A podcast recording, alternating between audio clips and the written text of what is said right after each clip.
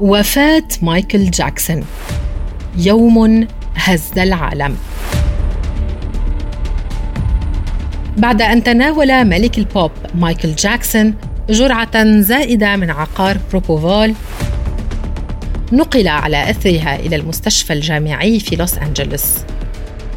وبعد محاولات عدة لإنعاشه على فترة ساعة من الوقت فارقت جاكسون الحياة.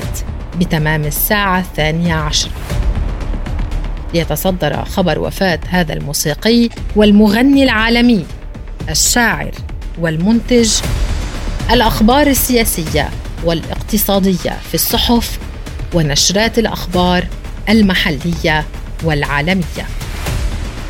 فشل من صنفته أرقام جينيس القياسية كأنجح وأهم نجم في تاريخ الموسيقى على مر الأزمنة بموته مواقع البحث على شبكة الإنترنت.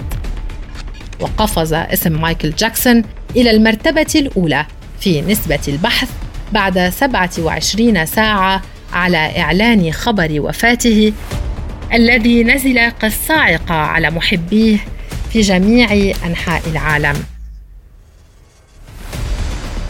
كان ذلك في الخامس والعشرين من يونيو 2009